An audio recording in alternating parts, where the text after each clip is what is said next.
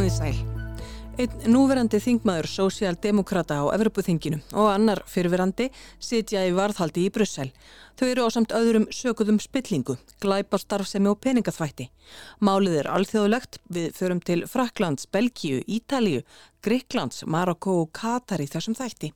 Og það er margt undir, ekki bara fútbolti, líka fiskveðar. Ég heiti Ragnhildur Torlasjus og í þetta helst í dag fjalla ég um spillingu í Evrópuþinginu. Eina varafórsutum Evrópuþingsins hefur verið sett af eftir að hún var handtekinn í Brussel á förstudaginn grunuð um að eiga þátt í einu stærsta spillingamáli sem upp hefur komið þar í borginn síðari ár.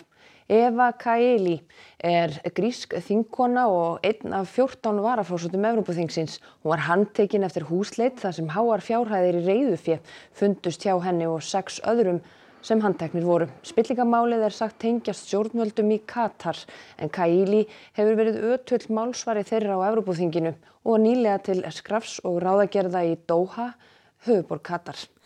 Það var sannilega í fréttum 11. desember sem að landsmenn heyrðu í fyrsta skipti minnst á Evrópuþingmannin Evu Kaili.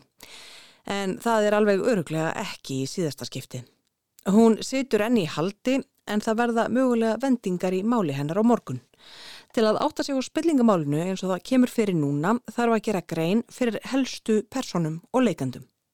Eva Kaili, grísk þinkona, sósjalista og demokrata, 44 ára glæsi kvendi. Francesco Giorgi, ítalskur sambilismæður Evu Kaili, 35 ára aðstofamæður þingmanna.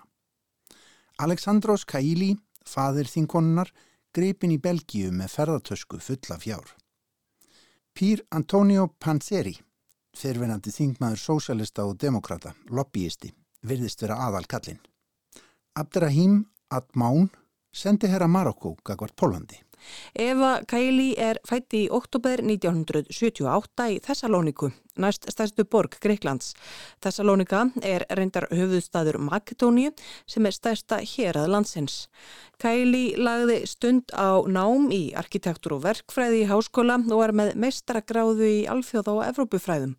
Hún settist á Þing, gríska þingi það er fyrir gamla sósélistaflokkin PASOK árið 2007, 29 ára gömul, en á Evrópuþingið settist hún árið 2014 fyrir sósélista og demokrata. Og áður en lengraðarhaldið er rétt að gera örlittlega grein fyrir Evrópuþinginu.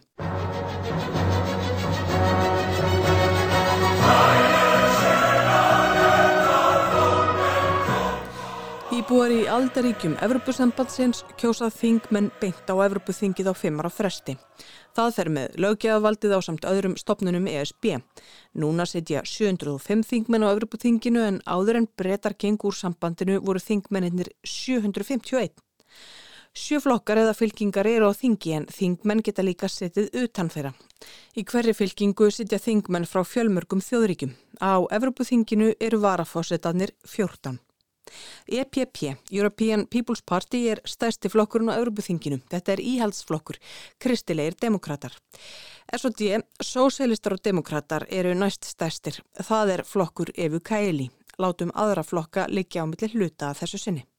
Baráttu fólk fyrir gegnsægi hefur löngum gaggringt Evrópuþingið fyrir lélegt regluverk til að gerða fyrir spillingu og enn lélegri eftirfylgni þegar að grunur hefur verið um að eitthvað hafi verið óæðilegt. Og það hefur reynst erfitt að fá þingmenn til að setja sér strángara regluverk. Það kemur fólki ekki endilega á óvart að það þrýfist þar spilling. Á Íslandi þekkist landsbyðarpolitík. Í Evrópusambandinu er byggðapolítíkin á öðrum skala. Evrópuþingið kemur saman í Strasburg í Fraklandi fjóra daga í mánuði. Aðalskrifstofaþingsins er í öðru landi, Luxemburg, en megin starfseimin fer samt fram í þriðalandinu, í Belgiu, í Brussel, þar sem að hinar aðalstofnanir Evrópusambandsins eru.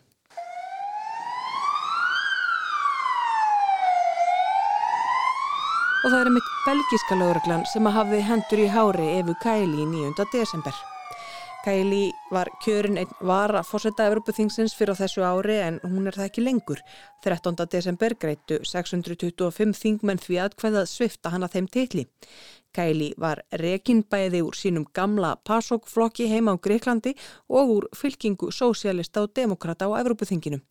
Hún setur nú á þingi sem þingmaður utan flokka en hún setur samt aðala í fangelsi, hefur verið ákjærði Brussel og grísk stjórnvölduru líka rannsakana. En um hvað snýst þetta mál? Það er ennað hluta að koma í ljós. Belgiska lögreglan mun hafa rannsakað málið mánuðum saman og gerði snemma í desember að rassi á 20 stöðum í Belgiu, Fraklandi og á Ítalju og fann 1,5 miljón evra í sæðlum á nokkrum stöðum. Þetta gera tæpar 230 miljónir króna. Peningarnir fundust í ferðartöskum og pókum. Fermt var ákjert fyrir spillingu. Eva Kaili, sem bílismæður hennar, fyrverandi yfirmæður hans sem er lobbyisti og svo annar slíkur lobbyisti, Nikolo Fika Talamanca.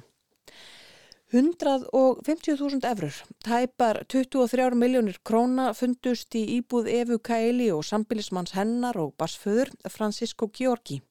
Sá er líka í sósialista og demokratafylkingunni en er ekki þingmaður heldur starfsmaður þingmana. Hann er núna starfsmaður Ítalans Andrea Cosolino en starfaði áður fyrir annan ítalskan sósialdemokrata Pier Antonio Panseri. Og hann er sennilega aðal kallin í þessum, hafi yfirvöldi Belgíu rétt fyrir sér. En Francisco Giorgi Sambilismadurinn hefur játað að hafa þegið mútur frá Katar og Marokko. Sagt er að Georgi hafi skrúað svo frá krananum í yfirherslum að fresta hafi þurft yfirherslum yfir öðrum sagbortningum til næsta dags. Buðnan hafi staðið út úr honum í tíu tíma.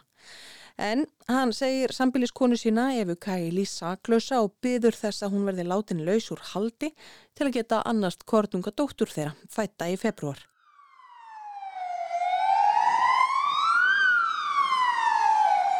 Fadir Efu Kæli, Aleksandrós Kælín var gripin í rassíu belgisku lauruklunar fyrir utan Sofitel hóteliði Brussel með ferðartösku fulla fjár, 600.000 eurur. Það eru rúmar 90 miljónir króna í ferðartösku í sæðlum. Samkvæmt vefsíðinni Hellas Posts er Aleksandrós Kæli hátt settur ennbættismæður í Thessalonikum á Greiklandi. Honum hefur verið sleftur haldi. Komum aftur að ítalanum Pier Antonio Panseri þeim sem mögulega er aðal maðurinn í þessu mútur og spillingamáli. Hann er grunaður um að hafa reynd að hafa áhrif á starfsmenn og þingmenn á Evropaþinginu og fleira áhrif á fólk fyrir hönd Katar og Marokko. Hann er fyrirverandi þingmaður á Evropaþinginu úr þingflokki Sósialista og Demokrata og fyrirverandi yfirmaður Francesco Giorgi. Eftir að hann hætti á þingi stopnaði hann frjáls félagsamtök eins og kallast NGO á ennsku, Non-Governmental Organization. Þessi samtök heita Fight Impunity. Bein þýðing á því heiti er reynlega barist gegn refsileysi. Fight Impunity eru félagsamtök sem að berjast fyrir mannrettindum Í stjórn samtakana sitja eða sátu meðal annara spaðar eins og Fredrika Mogherini, fyrverandi utanirkismálastjóri Evrópusambandsins og Emma Bonino sem Íslandingar þekkja helst sem fyrverandi sjávarútvekstjóra í framkvæmta stjórn Evrópusambandsins. Markmið samtakana Fight Impunity er samkvæmt því sem segir á nokkuð sannferandi heimasíðu þeirra að berjast gegn refsileysi við mannrettindabrótum og glæpum gegn mannkinni. Pier Antonio Panseri stopnaði samtökin árið 2019 og fjallar í langri stefnu yfirlýsingu og vef samtakana um mikilvægi þess að fólk standi reikningskap gjörða sinna. Og nú fær hann tækifæri til að gera það sjálfur. Eginkona hans og dóttir heima á Ítalíu hafa líka verið handteknar næri heimaborg þeirra Milano, grunnar um að taka þátt í alþjóðleiri glæpastarfsemi og peningafætti. Það er neyta sög. Það búið að taka samtakana af útidýra hörðinni í Brussel eftir því sem framkemur á Evrópu við Politico. Áhrifafólkið í stjórnsamtakana er hægt, ekki leikur grunur á að það hafi samt tekið þátt í neinu misjöfnu. Önnur samtök eru í sama húsi og Fight Impunity í Brussel. Það eru samtökin No Peace Without Justice, engin friður án réttlætis. Stjórnandi þeirra er Nicolo Fica Talamanca, hann var líka handtekinn í rassíunni. Politico segir að honum hafi verið sleft en hann er í rafrænu eftirliti með ökleband. En annar sem var handtekinn er verkalýs forkólfurinn Luca Vicentini. Hann hefur játað að hafa þegið 50.000 eurur frá samtökunum Fight Impunity í kostningasjóðsinn þegar hann var að berjast fyrir kjöri í fórustu samtakana sem hann stýrir. International Trade Union Confederation, einhvers konar samband alþjóðlegra verkalýsfélaga. Mikill fókus hefur verið á stöðu farandverkamanna í Katari aðdraganda heimsmyndstaramótsins í knatsbyrnu. Luca Vistantini sagði í yfirlýsingu að hann hefði ekki verið beðin um neitt nýja hefði hann spurt nokkur sér skiptum fyrir peningarna sem hann hafi fengið og það hafi ekki verið setnin skilirði fyrir 50.000 evra framlægjun í kostningasjóðin. 50.000 eurur jafngilda 7,6 miljónum króna. Honum hefur verið vikið úr ennbætti. Og fleiri hafa verið til rannsóknar til að mynda voru skrifstofur tveggja pólitískra aðstóðamanna á Evrópuþinginu innsiklaðar. En af hverju var Katar og Marokko að múta áhrifafólki í Brussel er einust að nú rétt. Í Politico er bent á að þá hinnar myndum útúrgreðslur Katara hafi vakið mesta aðtikli núna. Þá ætti aðtikli fólks sennilega frekar að vera á Marokko.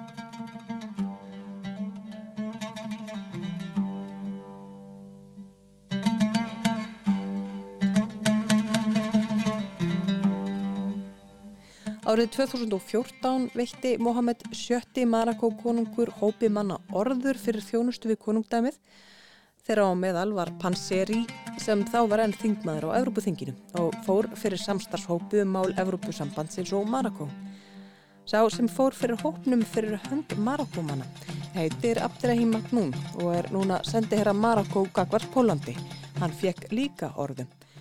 Hann hefur samkvæmt Politico vísað til Panseri sem vinarsins allt frá 2011 og til er fjöldi mynda af þeim saman og líka með aðstóðamanninum Francesco Giorgi, síðar sambilismanni Evu Kaili. Abderrahimad Moon er talin hafa sínt óvenju mikla gjafmildi.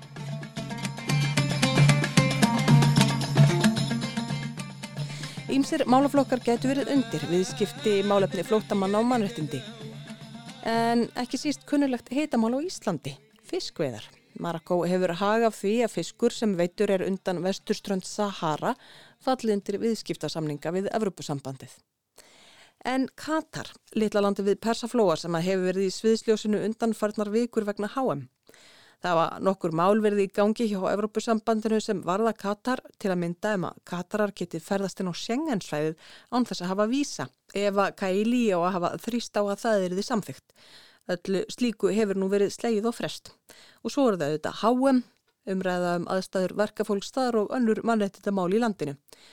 Það er rétt að nefna Katarar hafna því alfarið að hafa tekið þátt í múturstafsemi. New York Times greinir frá því að þýskur Evrópuþingmaður Hanna Neumann fari fyrir nefnd sem að hafa átt að fara til Doha í Katar til að taka átt stöðuna í landinu áður en að HM fer af stað. Hún segir blaðinu að Katarar hafi aflýst heimsókninni skindilega í lóks eftember á þeim forsöndum að húsnaði þar sem að hafi stað til að eiga fundi veri enn í byggingu. Naumann sagði blaðmennum New York Times að hún hefði orðið undrandi og reið mánuði síðar þegar að Eva Kaili byrtist í Doha í hennar stað.